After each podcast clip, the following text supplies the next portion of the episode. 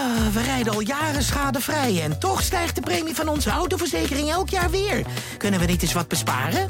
Genoeg van dat stemmetje in je hoofd? Even Independeren. Daar word je altijd wijzer van. Vergelijk nu en bespaar. Welkom bij Independer. Het is dus afwachten of we Bad Girl van onze Vlaamse vrienden Adil en Bilal ooit zullen gaan zien. Maar ja, je kan ook lekker films in je eigen land blijven maken. Zoals het geval was met Rebel. Waarom zegt iedereen al die tijd al Rebel? Het is toch gewoon rebel? Allee, daar heeft u ook wel weer gelijk in, hè? Yo, what's up, het is Adil. En het is Bilal. Wij zijn de regisseurs van Bad, Bad Boys, Boys for for Life. Life. En jullie luisteren nu naar de podcast van Movie Insiders. For life.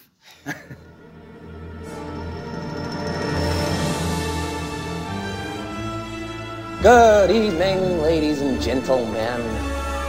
We are tonight's entertainment. Movie Insiders.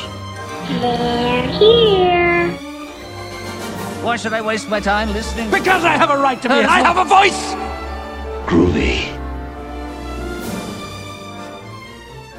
Hallo allemaal, leuk dat je luistert naar deze nieuwe aflevering van de filmpodcast Movie Insiders. Die je kan vinden op onze eigen site movieinsiders.nl.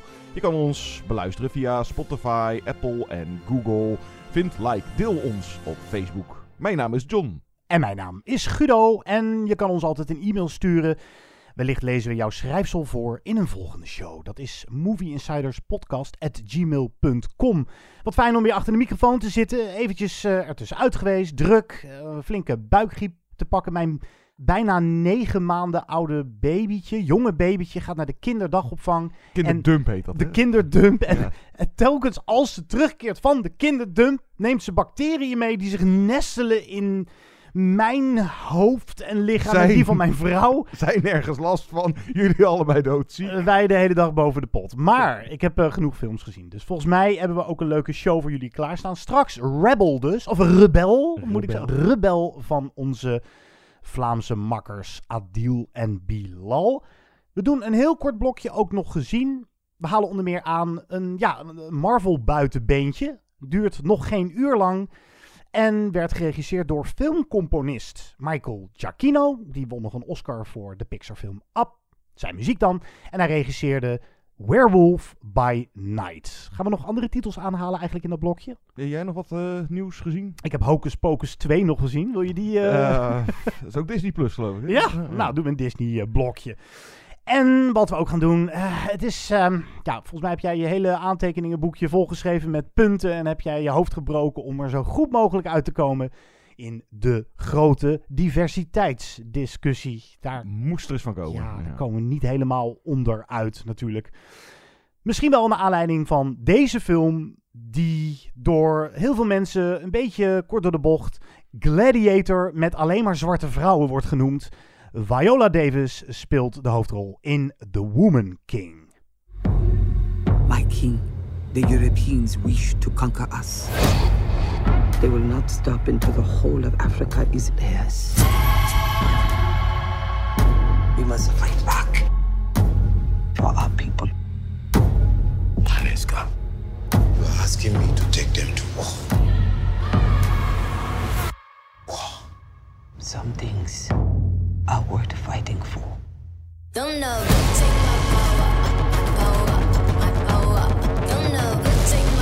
You are called to join the king's guard. No, kingdom in all of Africa shares this privilege. Train hard, fight harder. We fear no one. And we fear no pain. I offer you a choice. Fight or we die.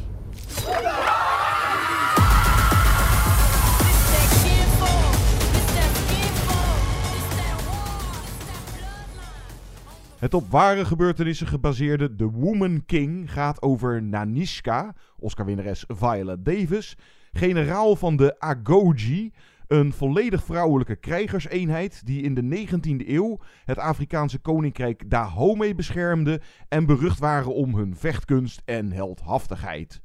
Ze stoomt een volgende generatie krijgsters klaar voor de strijd tegen een vijandige stam en slavenhandelaren.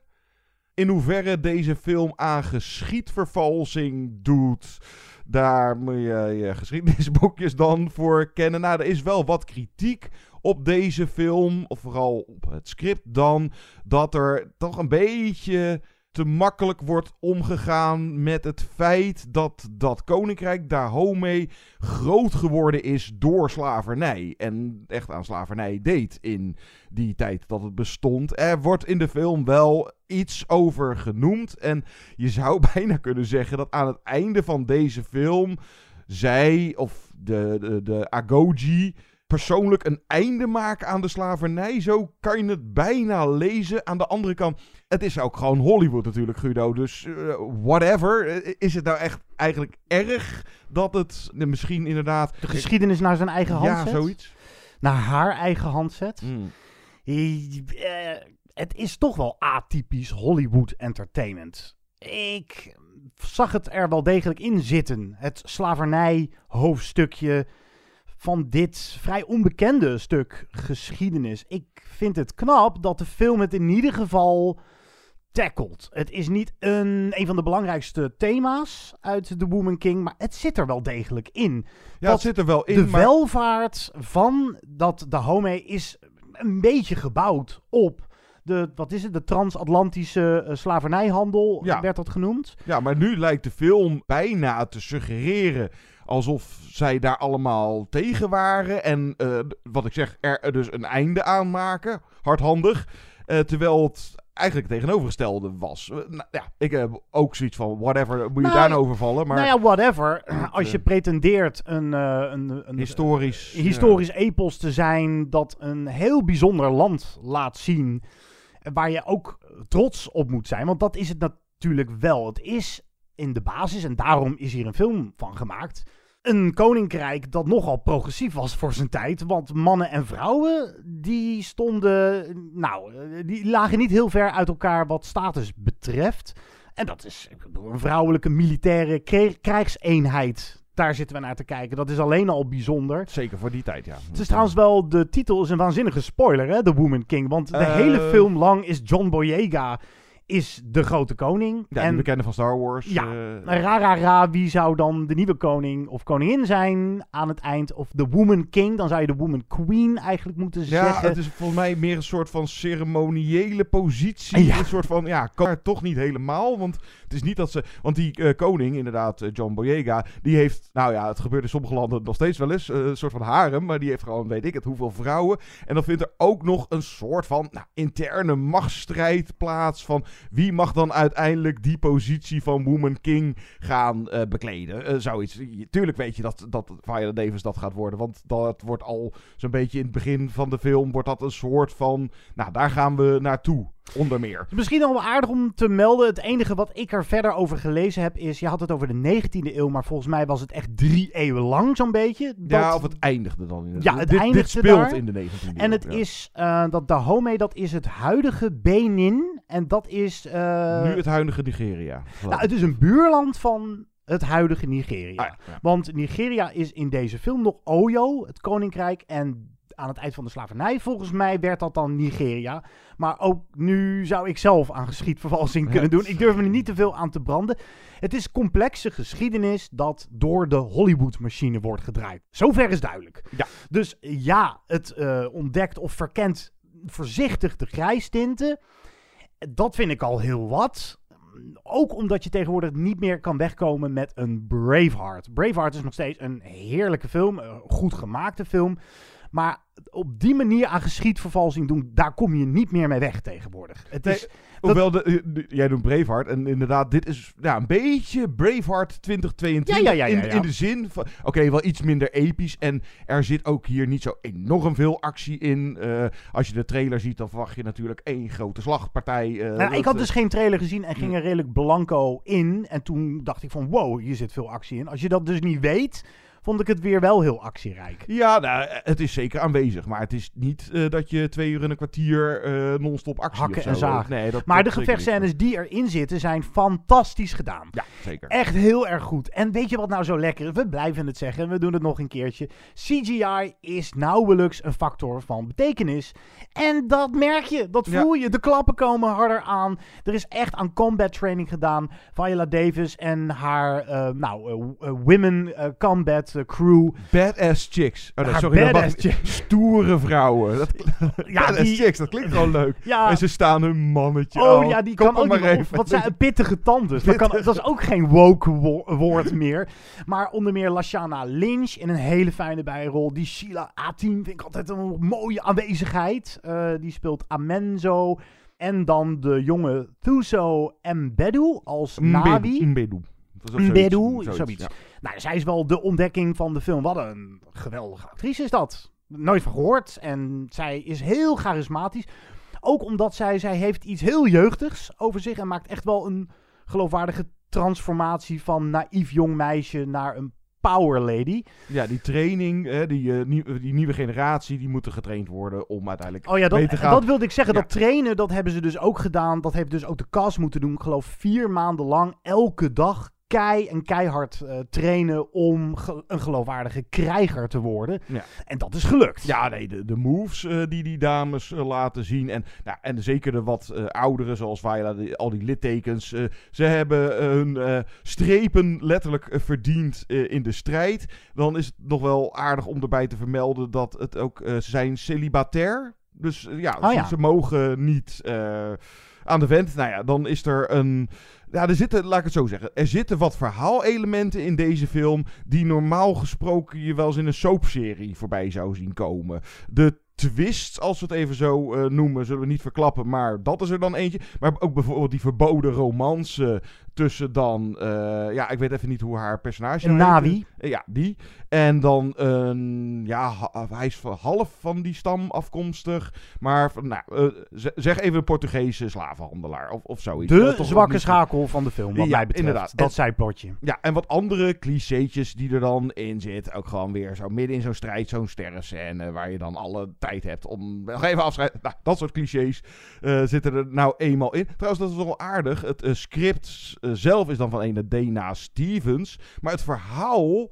Hè, je hebt dus, eh, de- voor diegenen die dat niet weten, eerst heb je het, het verhaal wordt geschreven en dan heb je een scriptschrijver, maakt er een script van. Het verhaal is van Maria Bello. Ja, ik las het. Ja. Maria Bello, die we bijna nooit meer zien op het grote doek. Zij is vooral bekend van nou, History of Violence, Ja, mij te binnen. dat is ook de Goede titel, actrice. ja. Maar zij kwam voor het eerst met... Wauw, ik heb iets ontdekt waar we volgens mij een film over moeten maken. Namelijk dat koninkrijk met al die hele stoere wijven. Mm. Eh, en daar is vervolgens ook het productiebedrijf van Viola Davis weer mee aan de haal gegaan. En ik eh, mocht haar spreken per Zoom voor het AD. En zij vertelde mij dat ze zeven jaar lang hebben moeten zeulen met dit script. Of, het syno- of de synopsis dan. Met het verhaal. Voordat ze dat een keer ja. voordat er eindelijk groen licht kwam. Omdat het toch... eh, ja, dan spreek je toch van het oerconservatieve Hollywood... dat ja, bang of benauwd wordt van zo'n concept. En in de, ja, nu zou, ja, kan het dus dan blijkbaar wel. De timing van de film is perfect. Ja. Eh, eh, in de post-Time's Up periode, of post, we zitten er Black nog Lives. Matter en, ja, noem en het Black Lives maar, Matter, ja, ja. et cetera, is dit natuurlijk... De, en de grap van de Woman King is eigenlijk, heel kort samengevat, ik weet niet hoe jij dat beleefde, maar je ziet eigenlijk niks nieuws. Je hebt het al honderd keer eerder gezien. Maar het feit dat je eh, het dit keer ziet door de lens van eh, vrouwen en ook nog zwarte vrouwen in een compleet ander land, maakt het toch speciaal. Ja, en maakt het toch net even anders dan inderdaad een Braveheart 2022. En alles is echt wel goed verzorgd. De regie van Gina Prince Bythewood, die eerder die Old Guard maakte. Dus ze had al wel wat ervaring met eh actie eh, schieten. Ja, ze Maar- deed ook Love and Basketball, geloof ik, is ook van Oh, haar. ja, oké. En de aankleding, eh, nou, de kostuums, de production design, het camerawerk, de score wat we zo van eh, wat we zullen draaien is goed. Ook gewoon de casting en het acteerwerk. En Viola Davis, die is trouwens bijna 60 60, hè? Ongelooflijk. Wat een ge- wat, maar dat is toch een fantastische actrice. Ja. Die hoeft toch bijna niks te doen. Die verschijnt in beeld en dan, wow, daar staat ze, Viola Davis. En de rest van Die de- gaan natuurlijk weer een Oscar-nominatie krijgen. Eh, het zou eh, zeker terecht zijn. En kijk, met deze film, ik denk dat je hem dus, ja, denk ik toch vooral het als entertainment zien. Want er zit eigenlijk niet eens zozeer echt een politieke agenda in Nee. of zoiets. Eh, Misschien maar mensen- beter ook. Ja, mensen die dat er graag dan in willen zien. Of al dat gezeik eh, met allemaal van die luidjes die dan op IMDb een eh 1 ster rating geven. Terwijl ze die hele film niet gezien hebben. Al dat, dat gezeur. Ik ook geniet gewoon van deze film. Het is gewoon een fijne film. En dan het plot en de, ja, die accenten. Dat, ja, op- na een kwartiertje stap je er ook wel overheen. Maar blijft een beetje stom van waarom moet je die accenten er dan... Eh, spreek Mm. gewoon Engels of wat. Nou, dat zijn van die dingetjes die je dan maar gewoon even Ja. door de vingers ziet. En eh, ja, ik heb daar... Het is echt ja, bijna ouder. Daarom vond ik op zich eh, een Gladiator of een Braveheart refereren niet eens zo gek gevonden. Omdat het daar wel weer een beetje aan doet denken. Zo van, dat soort films heeft Hollywood voor mijn gevoel echt lang niet meer gemaakt. Nog één dingetje. Het schijnt dat deze film voor slechts 50 miljoen dollar is gedraaid. Slechts tussen aanhalingstekens. Want het ziet er heel episch en massaal uit. En toch, ze hebben het gedraaid in coronatijd met COVID-restricties. En je ziet er een heel klein beetje van af. En ik weet niet waarom dat precies in zit. Misschien dat het allemaal net iets te gestroomlijnd loopt, eh, deze gevechtscènes. Ja, maar dat nou, schijnt dat je- vreselijk moeilijk te zijn geweest om zo'n soort film onder COVID-regels te maken. En je, nou ja, dat is een- een nitpicking, maar ik heb wel onwijs gesmuld van The Woman King. Het heeft een ouderwetse Hollywood-allure en dus dat kleine beetje meer. En dat kleine beetje meer voelde als veel meer voor mij. En dan is de volgende stap dat Afrika zelf zo'n film maakt. You enjoy practicing with the men in the infantry? I see you flirting. This is not allowed? You know it is not. Why not? The men who are soldiers have wives and children, but the Agojie cannot. How is that fair? Were you this arrogant with your family? No wonder they gave you away. It is you who is arrogant. I am a general. I have earned it. You have earned nothing. I should put you out. I have watched soldiers die because they did not have discipline. Their easy life did not prepare them for I did not have an life easy life. As an Ogosier. Straks een recensie van Rebel van Adil en Bilal. We hebben kort iets ook nog gezien. En de grote diversiteitsdiscussie. Maar eerst een stuk van de fijne score van Terence Blanchard. Die, ja, het is vooral de man eh, die de muziek voor de Spike Lee films doet. Een stukje score uit The Woman King.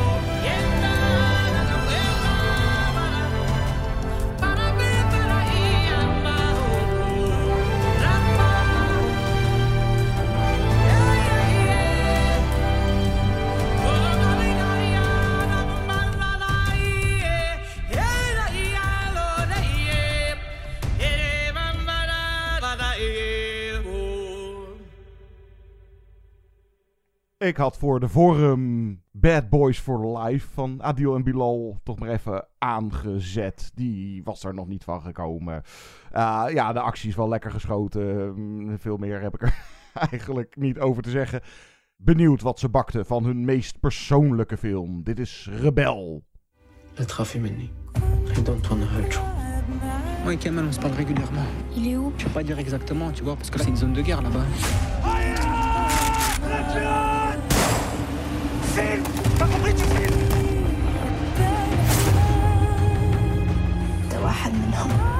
أول ما صاير I'm just trying to survive.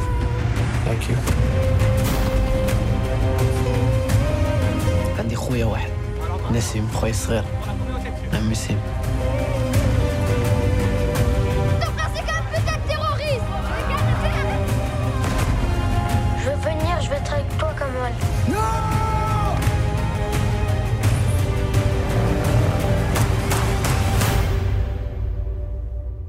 Vas faire partie de cette vidéo. Comme bourreau, comme victime. Toi. Met Rebel zijn de Marokkaans-Vlaamse Adil El Arbi en Bilal Falla, kortweg Adil en Bilal, via een trip door Hollywood waar ze de derde Bad Boys met Will Smith, eh, wat afleveringen van de serie Miss Marvel en Batgirl maakten, weer terug in hometown Molenbeek. Dat Batgirl belandde om nog steeds wat vage redenen in de vriezer, maar met Rebel zullen ze vast ook weer internationaal wat aandacht genereren. De film speelt zich af rond 2014, toen ineens veel Europese moslims, veel jonge Europese moslims, naar Syrië vertrokken om zich aan te sluiten bij het terroristische bolwerk IS. Ook de Belgische rapper en niet bepaald brave borst Kamal trapt in de val, denkt te gaan strijden tegen dictator Assad en pakt zijn biezen. Een stap die gemakkelijker te maken is wanneer zijn radeloze moeder hem de deur wijst. Eenmaal in Syrië wordt hij geronseld door IS, waar hij aan de slag mag als cameraman van propagandavideo's. Nog enger wordt het allemaal als ook Kamals jonge broertje Nassim ten prooi valt aan de hersenspoelmachine van IS. Rebel is een stadsdrama, een oorlogsfilm en, hou je vast, een soort van musical. Smeden Adil en Bilal John, al die elementen hier samen tot één bevredigend geheel. Ja, hoewel, nou, is dat die muzikale intermezzo's, het is een keuze, het is een aparte keuze en het ja, past niet zozeer echt in het grote geheel of... eh, het zorgt wel voor een afleiding, of laat ik het anders zeggen, het leidt niet zozeer af. Het is, eh, die, nou, je zou bijna videoclips in deze film kunnen noemen. Ze zijn ook wel goed gefilmd en er wordt daadwerkelijk wel wat mee gezegd. En ja, eh, ik zat een beetje op 50-50. Ik had er geen probleem mee, maar ik had ze wel kunnen missen. Maar dan nog komen ze er goed mee weg. Het voelt toch wel als één concreet geheel aan. Maar dat komt vooral, denk ik, omdat dit zo, nou, zeker voor hun een belangrijke persoonlijke film is. En dat merk je aan de toon van de film, ook aan het verhaal. En dat wat ze te zeggen hebben, komt over, of komt wel zelfs goed over. En het gruwelijke van de oorlog daar in Syrië. En wat IS allemaal uitspookt. Het recruteren en het ronselen. Zowel daar als dan thuis in, nou zeg even België en Europa. Het komt inderdaad allemaal wel over. Even over die muzikale sequenties. Ik heb ze in Cannes, waar Rebel, Rebel, Rebel een midnight screening was, zoals dat heet. Dus hij draaide niet mee in een van de competities, maar ging er in première om alvast wat buzz te genereren. Vroeg ik ze waarom ze die musical sequenties erin hebben gedaan. En eigenlijk is het antwoord vrij eenvoudig. IS was heel erg anti-muziek. En als je een film maakt eh, die ook tekeer wil gaan of een statement wil maken tegen het extremisme van IS, dan kun je als statement natuurlijk eh, ook gewoon muziek laten horen. eh, hier, in your face. Dikke IS. vinger, ja. Het is wel zo dat. Het, het, het gebeurt maar een paar keer. Dus het zit in het begin één of twee keer. En dan heel lang niet. En toen het ineens weer om de hoek kwam kijken. Was mijn eerste reactie. Huh? Oh ja. dat deed deze film ook nog. Dus dat is een beetje. Dus ze hadden het of niet moeten doen. Of er een muzieknummer bij moeten stoppen. Meer musical of iets minder musical? Ja, dat that's the question. Maar voor de rest, ehm, kijk, ze jong leren hier met te veel ideeën, eigenlijk. Maar ik ben altijd wel van de school liever te ambitieus dan een halfslachtige poging om een film over dit moeilijke, moeilijke onderwerp te maken. Eh, Het is niet alleen dat de musical sequenties wat te veel zijn. Er zit eigenlijk één verhaallijn te veel in, wat mij betreft. Ja, maar het, beslaat ja, één familie. Hè? Moeder en haar twee zonen. Ja, kijk, maar zich- dat dan Nassim, dat jonge broertje, op een gegeven moment ook die kant op gaat. Prima. Maar we volgen in de derde acte, dat is een film op zich. Ik heb een beetje aan Ansandi denken. Ja, de, eh, de moeder. De eh, moeder gaat haar Azam- kindjes terughalen. Eh, zij is uit uh, Ansandi. Zij is ook Ja, uit ja, ja, Ansandi. ja, nee. Ja, ja, dat is die actrice. Oh, echt waar? Ja, Lubna Azabal. Oh, maar dat is gewoon puur toeval, dit. Mm. Dat we hierop komen. Want dat, het kwam mij, ehm, het schoot mij te binnen, omdat dat ook gaat over een vrouw die in haar eentje in gevaarlijke wateren, eh, territorium zich begeeft om puntje, puntje, puntje. Nou, in dit geval haar zoons terug te krijgen. En dat is wel een beetje too much. Ja, het, het heeft uiteindelijk net iets te veel. Op zich dat switchen tussen de, nou zeg even tussen de hoofdpersonages en dan tussendoor af en toe wat van die Arabische, nou ik weet niet of poëzie, nou, Arabische teksten in beeld. En er is, ja, op zich dat is allemaal eh, goed gedaan.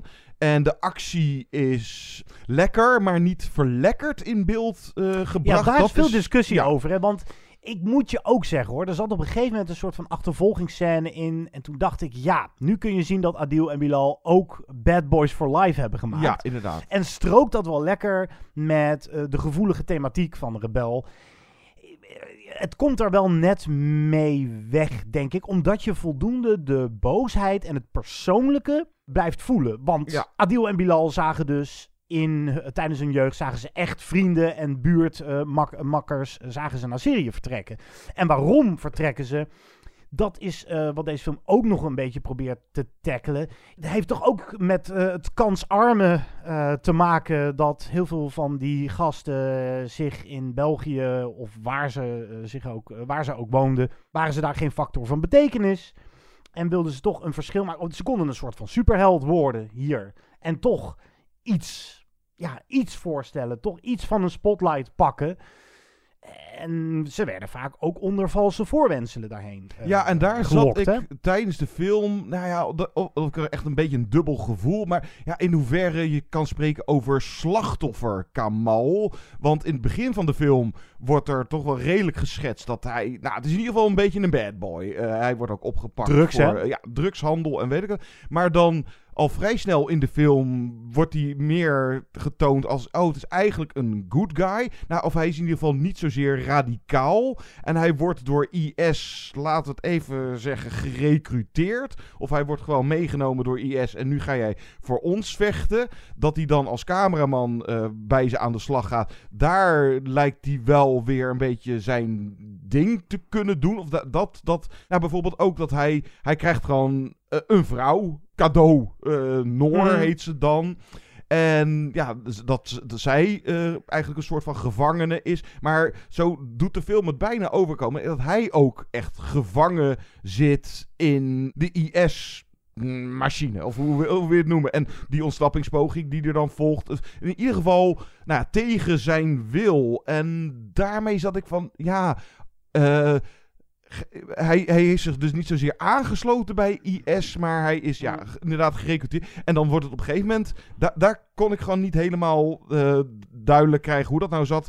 Dan eh, die ontsnappingspoging is mislukt en dan wordt hij constant gemarteld en hij wordt maar in leven gehouden. Waarom? Dat was me niet helemaal duidelijk, maar... Dat is een goede vraag. Ja. Het- het- ik moet je heel eerlijk zeggen, het is alweer even geleden dat ik hem zag. Dus dat detail kan ik me niet geweldig voor de geest halen. Wat mij wel eh, bijstaat, is dat de film Kamal niet vrijpleit. Hij is naïef, hij is jong en dus een makkelijk slachtoffer voor IS. Er zit een soort van sluimerende onvrede in die jongen, zoals in heel veel jongeren daar in Molenbeek of wherever. En ja, daar moest je je pijlen op richten. IS, dat, waren, geen domme, dat zijn geen domme gasten.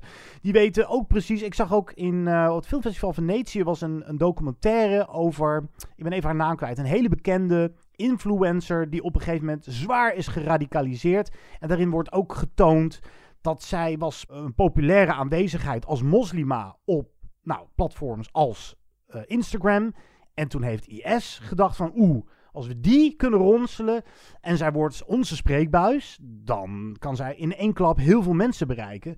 Dus eh, nou ja, dat, fenomeen zit hier op een eh, redelijk subtiele, eh, effectieve manier wel in verstopt. Ja, en dan nou, deels door het sterke acteerwerk van Lubna Azabal en hij, Abu Bakr Ben Saihi, eh, die Kamal speelt. Die zijn, het, acteerwerk is, is puik, maar vooral met haar eh, verhaal, nou de, de wanhoop eh, dat ze haar jongste zoon ook ziet radicaliseren en dat er ook tijd is eh, in de film voor scènes waarin zij, nou ja hulpverleners langs gaat. En, en, en meer zo van, ja, waar moet ik, waar moet ik nou aanbellen? Waar moet ik beginnen? Ja, waar moet ik beginnen voor hulp? Van, hé, hey, mijn jongste zoon eh, zit straks daar ook eh, in Syrië eh, mee te vechten voor IS of wat dan ook. En nou ja, dan dat zij daar naartoe gaat, oké. maar en met deze film, ja, hij is, hij is zeker goed. Maar hij is ja, net niet meer. Of hij kwam bij mij ook net niet voldoende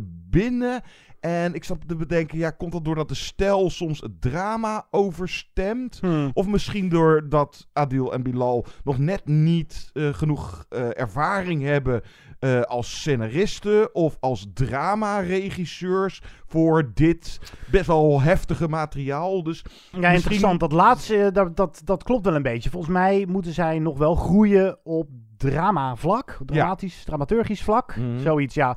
Ja, zij zijn heel duidelijk geïnspireerd door de grote Hollywood actiefilms en geschiedenisfilms als Saving Private Ryan bijvoorbeeld. Eh, en daar, of Platoon eh, noemde zij zelf als een belangrijke inspiratiebron. Want ik vroeg op een gegeven moment, ja, het is een heel moeilijk onderwerp waar überhaupt nog niet zo heel veel films over zijn gemaakt. Waarom hebben jullie niet gewoon een documentaire gemaakt, aangezien jullie waarschijnlijk ook toegang hadden tot nou, die figuren die daar toen zijn heen gegaan. Stof genoeg voor een interessante documentaire, maar zij zeggen heel duidelijk, nee, film bereikt gewoon veel meer mensen. Dat bereikt de massa en wij mikken ons op de massa.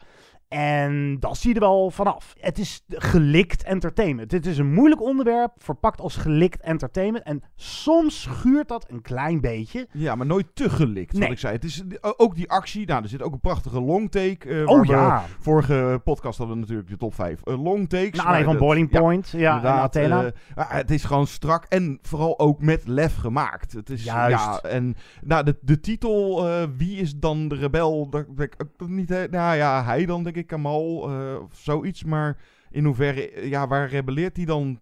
Nou ja, oké, whatever. Ja, rebelleert misschien tegen zichzelf of tegen de maatschappij die hem nooit zag staan. Zoiets. Ik, gooi ook maar eh, een stuivertje in de hoge hoed. Ja, ik denk ook toen ik eruit liep, dacht ik: waarom, verdomme, maken wij dit niet in Nederland? Waarom doen we dat niet? Ja, geen idee. Het is altijd of heel eh, braaf een romcom maken of heel veel andere landen opzoeken, daar dan eh, eh, geld mee verzamelen en dan een redelijk binnen de lijntjes kleurende oorlogsfilm als De Slag om de Schelde meemaken. Maar echt een boze film die wel eens uit de bocht vliegt, maar dat mag dan best als rebel. Ja, daar zullen wij onze fikken niet zo snel aan branden. En dat is zonde. Dus laten Ja. we hier ook met z'n allen naar kijken en ook een beetje van leren. Ja, eh, het zou natuurlijk een rol kunnen spelen dat Adil en Bilal eh, wat d- dingen in Hollywood gedaan hadden, waardoor ze ja, mogelijk dit project ook weer wat makkelijker gerealiseerd kregen. Ja, maar Paul Ja. Verhoeven die krijgt het, eh, en Dick Maas die krijgen het ook niet eh, zomaar voor elkaar in de Nederlandse filmwereld om eh, een grote zak met geld, want het zijn gevestigde namen, dus doe maar wat je wil. Zo werkt dat dus gewoon niet in Nederland. Maar dat is een hele andere discussie. Ik zou zeggen, vergeet gewoon dat eh, Bad Girl. Laat die maar lekker in de koelkast staan en kijk rebel. Straks. Ah, ik word er al moe van als ik het eh, woord hoor, maar eh, we moeten toch een keer het onderwerp tackelen, de grote diversiteitsdiscussie. Eerst maar wat muziek. Een van die musical. Blijft een beetje. ik moet musical toch aan de Phantom of the Opera denken. Dat is dit niet. Een van de muzikale sequenties uit Rebel. Van componist Hannes de Meijer. En met Abu Bakr Bensai. Allume, le joint,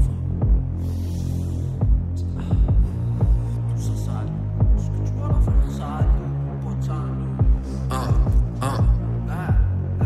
C'est moi le cas, double K, cabré sur les grands axes. Visière tout en black, je veux pas que mon petit frère voit les transacts. On est les kings de BX, on a du liquide, du bénéf, nous. Qu'on kiffe ces BX, rien qu'on charge les Bennett, hey. La vie a un sens, à toi de choisir ta destinée. Tu passes ta vie à dessiner, moi je passe la mienne à décider. hein. Regarde mon gang, poteau, hein. Tout ce qui nous allie, c'est deux roues. 300 quand même sur l'autoroute, nique la police, c'est tous des trous De toute façon, on a fait du blé, et on a refait de la farine. Pleine de sales idées, pour s'échapper de la famine. Bitch, le quartier plein de vices. Tout le monde est là pour la devise, hein. Vas-y, vas-y, envoie le devis. Mes potos, c'est ma famille, 400 coups sur 400 chevaux. Je les appelle quand y a problème, ramène la clip, pull up chez nous. Vroom, vroom, Kawasaki met les six. Fait son moteur sous BX, dans le coffre la potion d'Astérix. Hey, et pardonne-moi, maman, si j'ai trop merdé à la maison. J'ai perdu ma raison de vivre, mes potos sont morts sans raison. 10-80 dans mes veines, pleines de rostas comme Eden. Y'en a qui rêvent de comédie, reçoivent des tartes dans leur gueule. Ici y a des vrais bonhommes, issus de familles économes. On nous fait croire qu'on a les mêmes chances, alors qu'on cherche du taf depuis membre. T'as cru que c'était fini, enfoiré J'arrive en papillon, je fais couler toute ta soirée. Je suis avec dans la Benz, y'a pas plus taré. 4 cylindres et moteur full préparé. Y'a le Walida qui a peur pour son fiston. Depuis les étoiles, c'est pas la lune que nous. Ik hoor het om me heen toch wel veel hoor. Uiteraard moesten er ook weer mensen van kleur in. Dat wordt zo makkelijk nog steeds geroepen door mensen die ik goed ken. eh, familie, aangetrouwde familie, vrienden. Mm, Misschien moeten we er maar eens wat dieper induiken. Maar het is ook een onderwerp dat jij vooral wilde tackelen. Dus take it away, John. Ik spring er af en toe wel tussen. Ik heb er voor het Adela's ook een column over geschreven. Dus ik heb er ook best wel over nagedacht. Het is een gevoelig onderwerp waar ik wel een mening over heb. Ik ben heel benieuwd wat jij te zeggen hebt vooral. Ja, precies dat. Inderdaad, je hoort veel vaker tegenwoordig om je heen. Nou ja, dus daarom de diversiteit of de inclusiviteit discussie. Eh, disclaimer vooraf, uiteraard zijn we daarvoor. Maar ik snap het gemopper erover wel. Want het is momenteel ja, misschien wel erg veel of misschien te veel. Of in hoeverre wordt het geforceerd? Of dat je soms bijna het idee hebt van het wordt me door de strot gedouwd. En ik zat hier ook direct al wel bij te denken van in hoeverre is dit geleidelijk gebeurd in de loop der jaren. Zoals dat bijvoorbeeld met Zwarte Piet gebeurd is. Hè, daar zijn nog steeds eh, eh, voor- of tegenstanders, nou hoe moet je het zeggen, voor- of tegenstanders van eh, of iets. Maar dat is wel geleidelijk omgeslagen naar de roetveegpiet. En hè, het is niet dat het opeens van het een op het andere jaar patsboom en nou is er geen Zwarte Piet meer. Mijn god, dat we het over Zwarte Piet Ja, zouden hebben in Movie Insiders. Maar ja, dus daar zou ik dan iets meer research op eh, moeten loslaten. Maar dat ze misschien daar eh, dat er nu iets te ver in zijn doorgeslagen. Nou, je kan het op verschillende manieren aanvliegen. Het aanbod van, nou, van films en eh, laten we series er voor de goede orde ook maar even bijpakken. En in hoeverre de verhoudingen ten opzichte van vroeger zijn sowieso anders. Hoeveel eh, verschil er is, dat weet ik niet. Ik heb er geen cijfertjes bij gehaald. Maar dat de. Laten we even de inclusieve films, de, di- meer diversiteit. Dat ze meer gemaakt worden. Dat is een ding wat zeker is. En dat ze nog meer worden uitgebracht. Is ook een ding wat zeker is. En dan kan je eh, als eh criticaster oproepen van ja, gebeurt er dan iets te veel voorkeursbehandeling of positieve discriminatie? Hè, dat films met inderdaad eh, wat meer kleur of wat meer LGBTQ, eh, X plus I en Z, regie door vrouwen, zie je echt, nou, voor mijn gevoel bijna de helft van de films, zeker in het filmhuis die dan uitkomen nu op jaarbasis, is dan eh, door een vrouw geregisseerd. En ja, in hoeverre dat dan eh, die verhouding scheef ligt, eh, komt het niet zozeer overeen met wat er gemaakt wordt. Dat klopt wel inderdaad. Er wordt echt niet hè, de helft van de films die gemaakt worden, heeft dat erin zitten. Of worden bijvoorbeeld geregisseerd door een vrouw. Het wordt gewoon veel meer uitgebracht. En daardoor. Toegelaten. Ja, of toegelaten. Ja, en daardoor. Nou ja, bijvoorbeeld eh, dat je ook van mensen roept, eh, hoort roepen van. eh, ja, nee, ik ga mijn Netflix-abonnement opzeggen. Want alles moet nu maar woke en politiek correct zijn. En. Eh, ja, dat gaat ook weer wat ver om. eh, maar het komt wel ergens vandaan. Dus dat eh, je dat aanbod zo verhoogt. Heeft dus eigenlijk ook weer een ja, misschien negatief effect. Of een juist tegenovergestelde effect wat je wil bereiken. Ja. Dat mensen er meer gaan tegen ageren. Het is, ik voel me er niet door beledigd. Ik heb er geen last van. Zo simpel is het. Ik heb er geen last van. Sterker nog, ik denk dat uh, vrouwen in film- en serieland, die hebben er last van gehad. Dat ze heel lang geen stem hebben gehad. Ja, of mensen van kleur hebben heel lang moeten vechten om een rol van betekenis te spelen in films en series. En dat is nu eindelijk zover. En dan moeten wij weer de discussie kapen door te zeggen... Nu uh, krijgen zij, worden ze voor, worden zij, tussen aanhalingstekens, wat echt belachelijk is natuurlijk, maar dat krijg je al snel in een wij en zij, wordt er gedacht, worden ze voorgetrokken. Ja, worden een soort wie, van... wie zijn wij om dat te zeggen als wij onze, onze voorkeursbehandeling al decennia, eeuwenlang gehad hebben. Snap je? Ja, nee, nee, snap ik helemaal. Nee, uh, precies wat je net een soort van zegt van er worden, ja, misschien dan uiteraard onbewust steeds meer twee kampen gecreëerd. Uh, ja, gecreëerd of ontstaan die door ja, mensen die er moeite mee hebben? Ja, uh, want ik ja. weet niet of je het creëert. Want nee. creëren, dat is dat je als uh, filmstudio zegt van, weet je wat wij gaan doen? Wij gaan alleen nog maar films maken, à la The Woman King, in de hoop dat daar heel veel gemopper over komt. Dan ben je iets aan het creëren. Dan ben je een discussie aan het creëren. Of nou ja, gemopper overkomt. Als een soort van statement.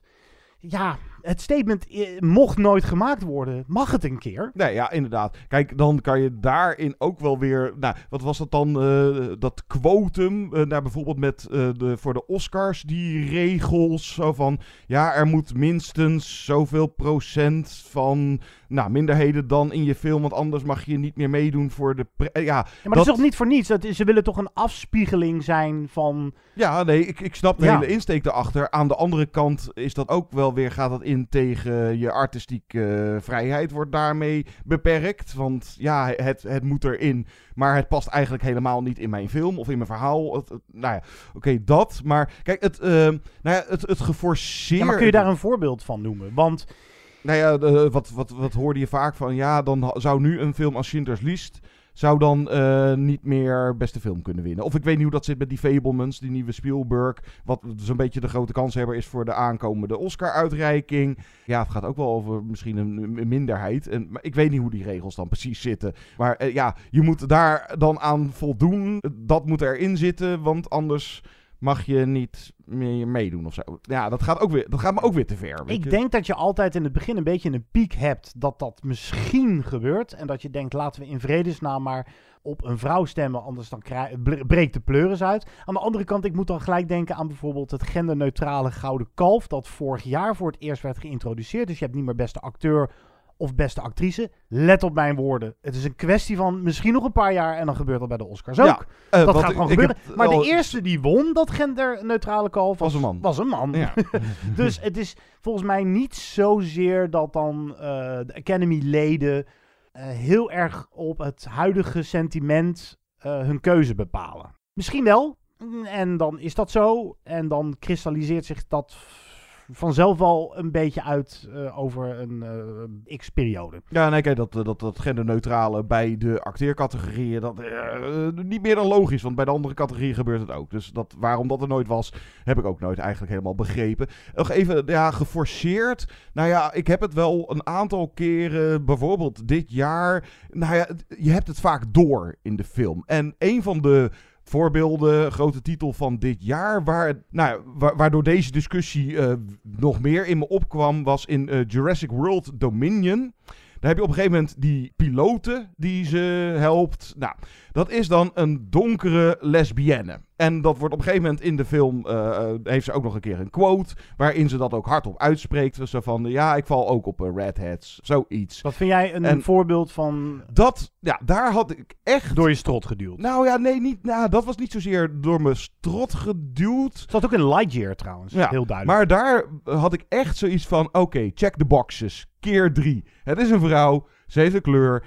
En ze is nog lesbienne. En dan, ja, niet zozeer geforceerd, maar daaraan voelde ik echt overduidelijk van: ja, dit hebben ze er zo in gestopt zodat ze dus, nou ja, misschien kunnen voldoen aan die quotum. En dan, niet dat ik me daar, ik stoorde me er niet zozeer aan. Net als nu bijvoorbeeld dan met Lord of the Rings, eh, The Rings of Power.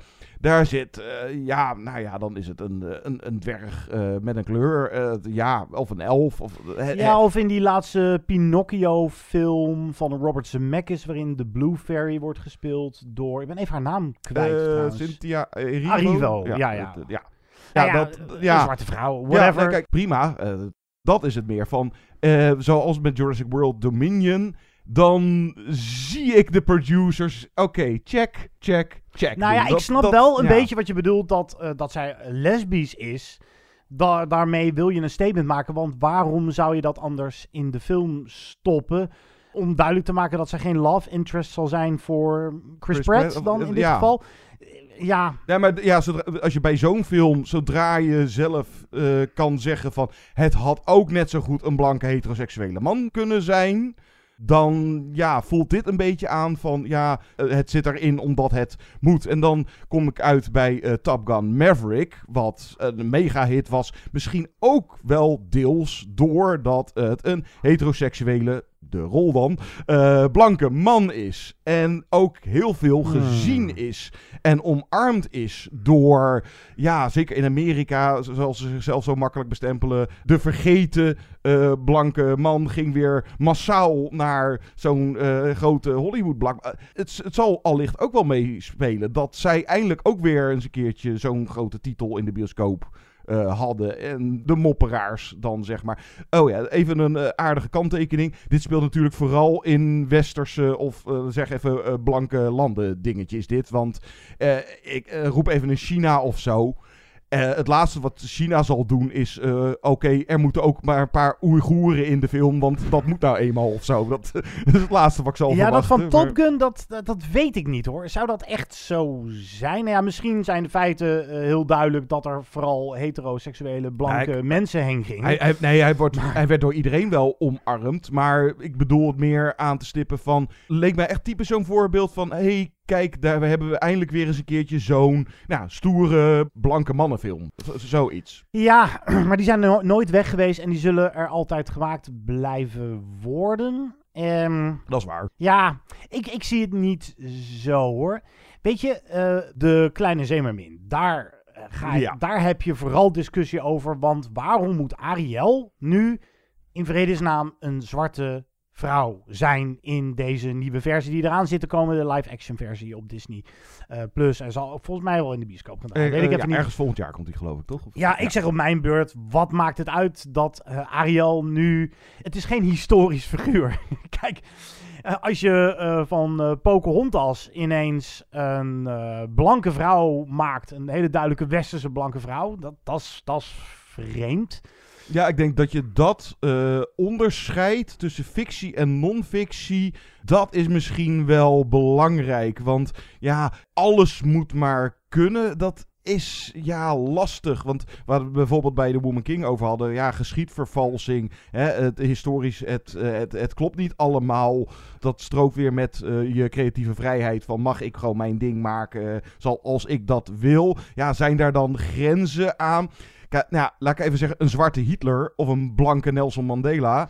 Nou, dat zie ik waarschijnlijk nooit gebeuren. Dat, Nee. dat lijkt me, dat gaat wat ver. Maar als het eh, fictief is. Kijk, inderdaad, die jarenlange of decennia lange whitewashing die er vooral dus in Amerika en Hollywood heeft eh, plaatsgevonden. Maar ja, eh, je moet wel weer oppassen dat je dat nu niet andersom te veel gaat doen. Want dan, dat creëert die aversie ertegen. Ja, maar weet je wat het is? Dit is mijn statement. Kijk, als je het eh, op zijn beloop laat. Tuurlijk, ik denk dat iedereen het liefst wil dat het geleidelijk gaat, zodat het zonder gemopper gaat. En dat we heel langzamerhand met z'n allen gaan inzien dat het volstrekt normaal is om het een beetje 50-50 te houden. En, en eh, 50-50 in beeld te zien verschijnen. Want we leven in niet alleen een multiculturele samenleving, we leven in een multiculturele wereld, volgens mij nog altijd.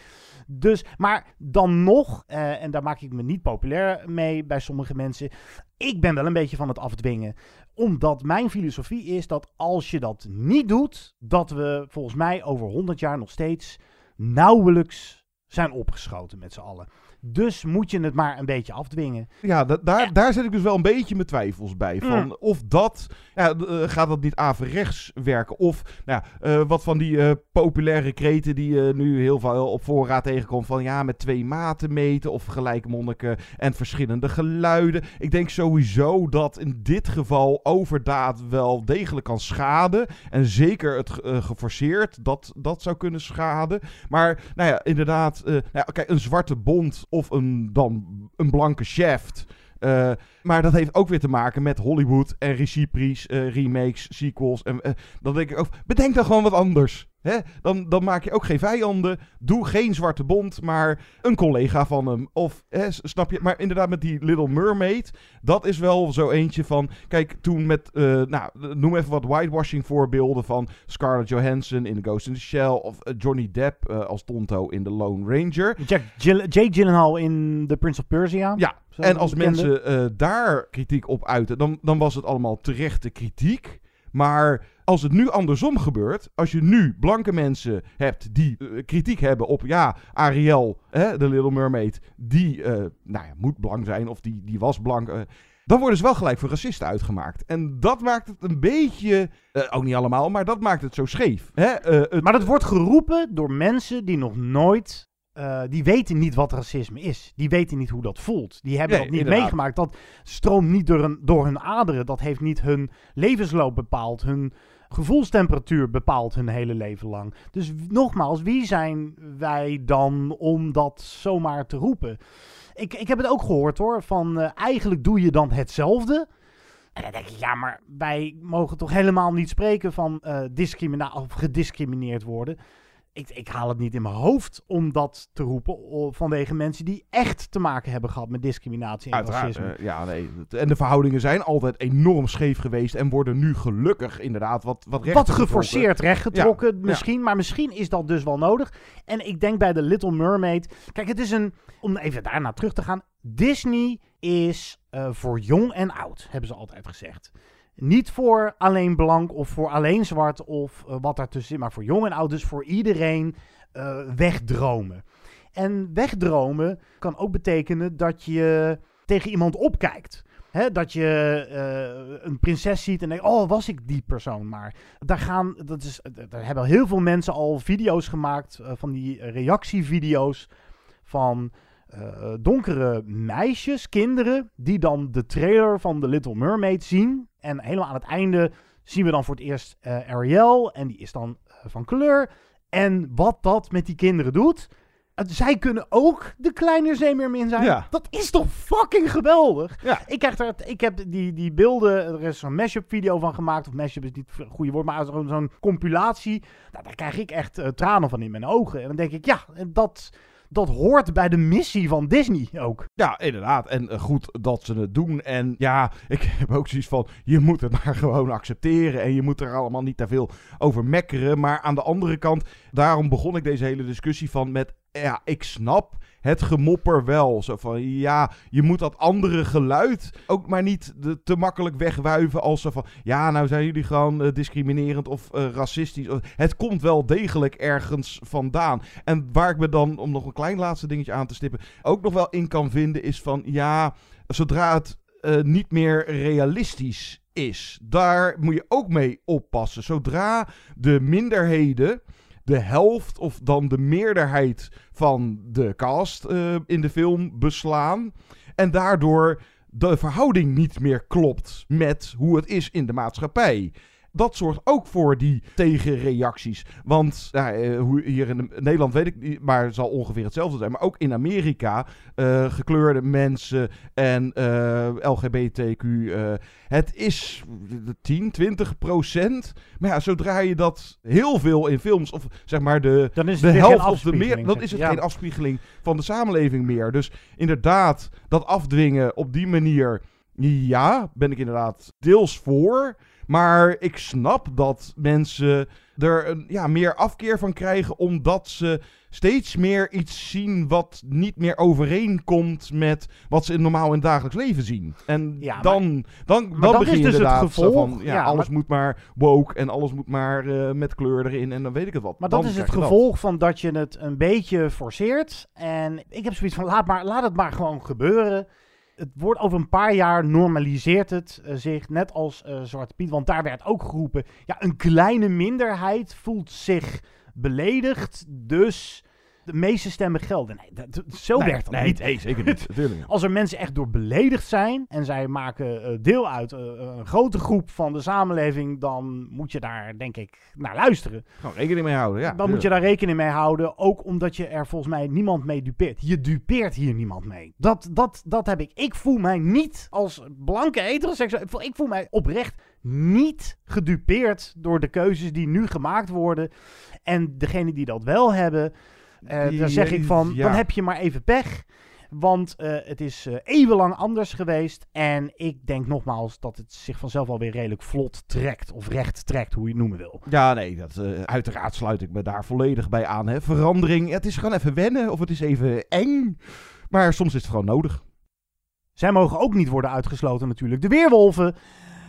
Dit is de Marvel Special. Noemen ze dat een Marvel Special? Special presentation, zoiets. Special Presentation. Werewolf by Night.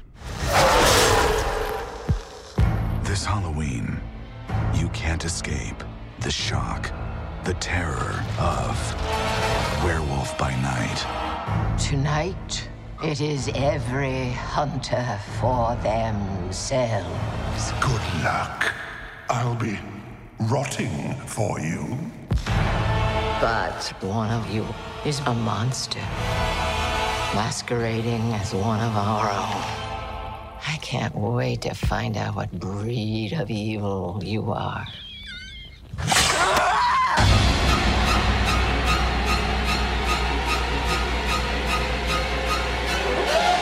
You wanna see this, darling? Please don't do this. Soms zie je dan op Rotten Tomatoes ineens zo'n 80, hele 90%, hoge ja. score voorbij komen van een film die, waar je nog nooit van gehoord hebt. En dat was in dit geval dan zo met Werewolf by Night, een Marvel Special Presentation op Disney Plus. Een, een korte film van Ja, zo'n vro- 54 minuten. tv, ja, eh, wat je vroeger een tv-film zou noemen of, of zoiets. Ja. Ja, maar die waren volgens mij, tv-films waren volgens mij ook wel langer. ja, die waren wel anderhalf uur Ja, of twee ja, uur. ja, de, dus het- de lengte is vooral ongebruikelijk. Ik moet je wel zeggen, dan ga je kijken. En nou, zo goed vond ik het nou ook weer niet. Ah, het is een leuke film. Ja, Ja, dat- wat, wat, wat zien we eigenlijk? Misschien moeten we eerst eens uitleggen wat Werewolf by Night is. Ja, eh, nou ja, het gaat over monsterjaren of een of andere meneer Bloodstone is overleden en de Bloodstone moet dan worden overgedragen. Nou, een soort van nou, groepje monsterjagers en er moet een nieuwe leider. Ze moeten op een monster gaan jagen en diegene die dat dan wint, die eh, mag dan de blad. eh, zoiets. Eh, en dan heb je de dochter Elsa Bloodstone en haar moeder, die doet er ook nog in. En dan heb je Jack, gespeeld door Gael Garcia Bernal. Dat is een, nou spoiler, dat is een infiltrant. Dat is eigenlijk een monster. Dat is een weerwolf. En dan heb je nog... Ja, dat is wel een beetje een spoiler, maar ach, ach, ja. En, en dan Man-Thing. eh, of eh, Ted. Wordt die dan Ted.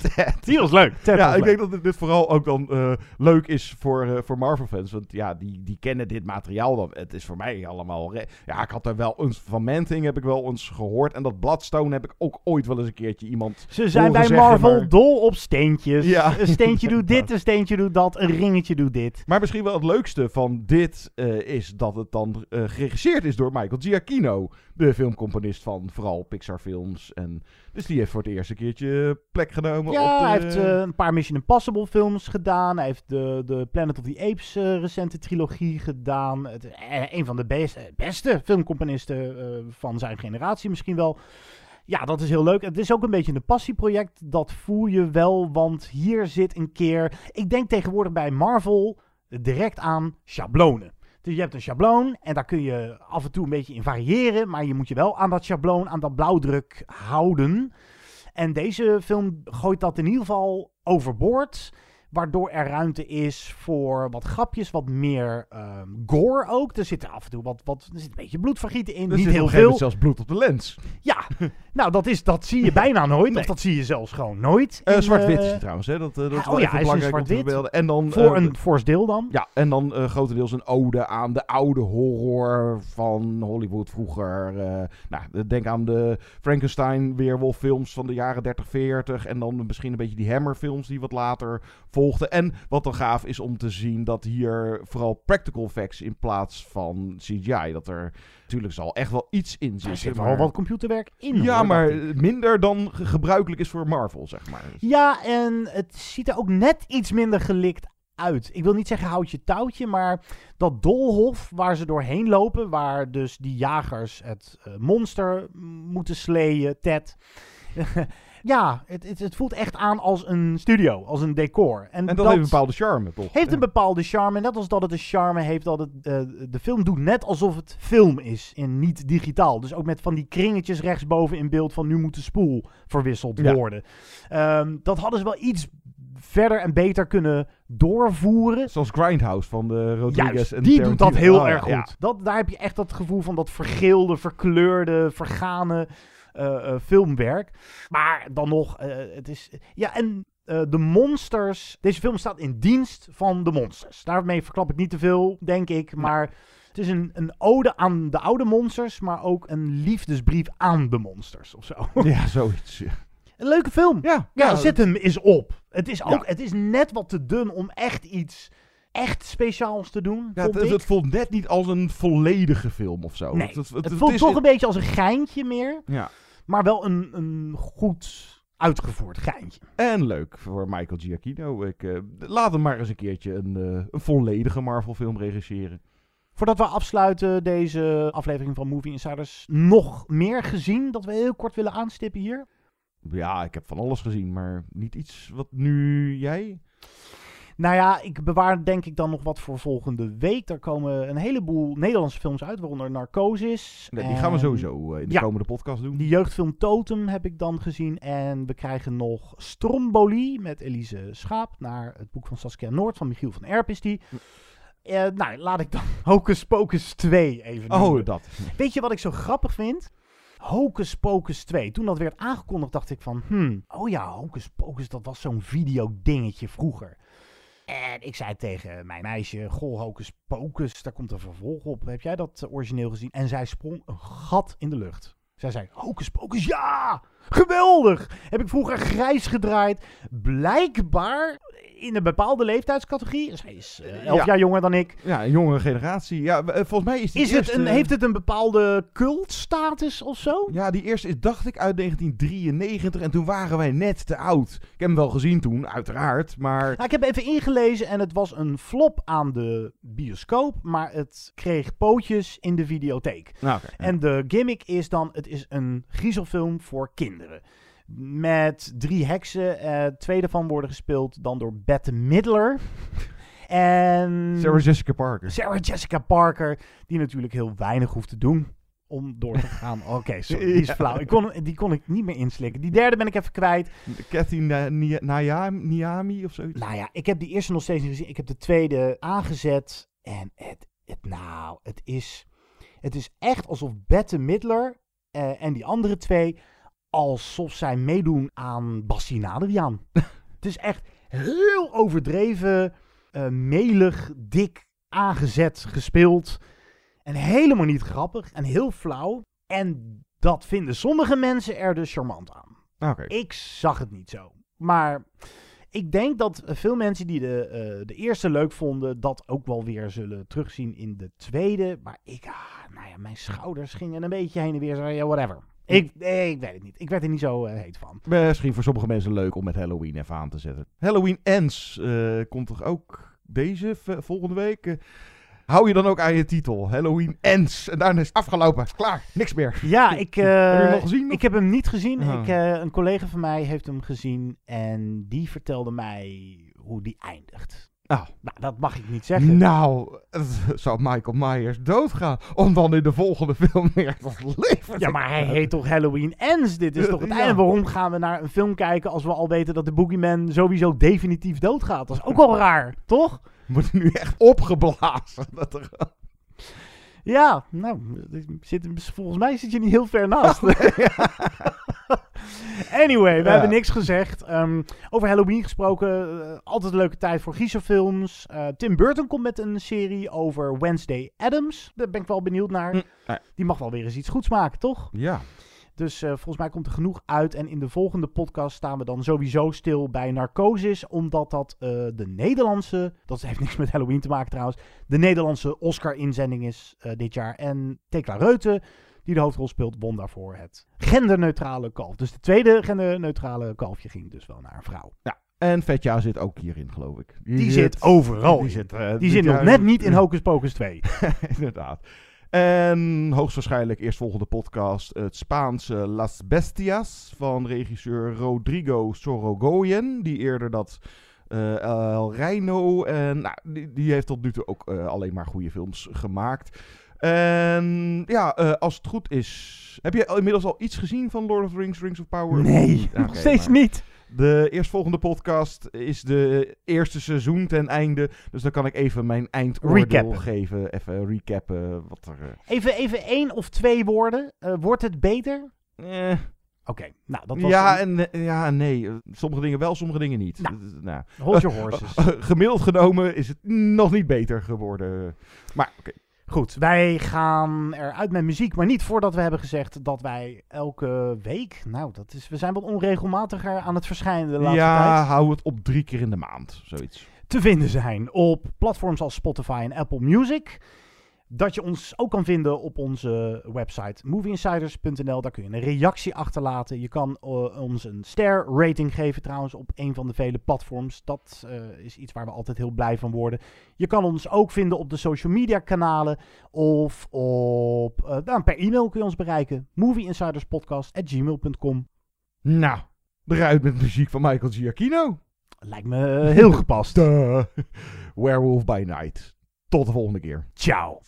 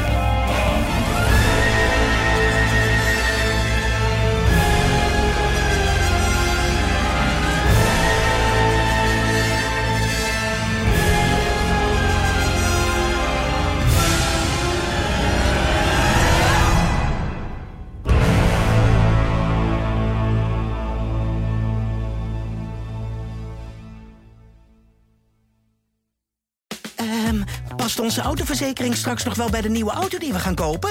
Of kunnen we met overstappen flink besparen? Genoeg van het stemmetje in je hoofd? Even Independeren. Daar word je altijd wijzer van. Vergelijk nu en bespaar. Welkom bij Independer.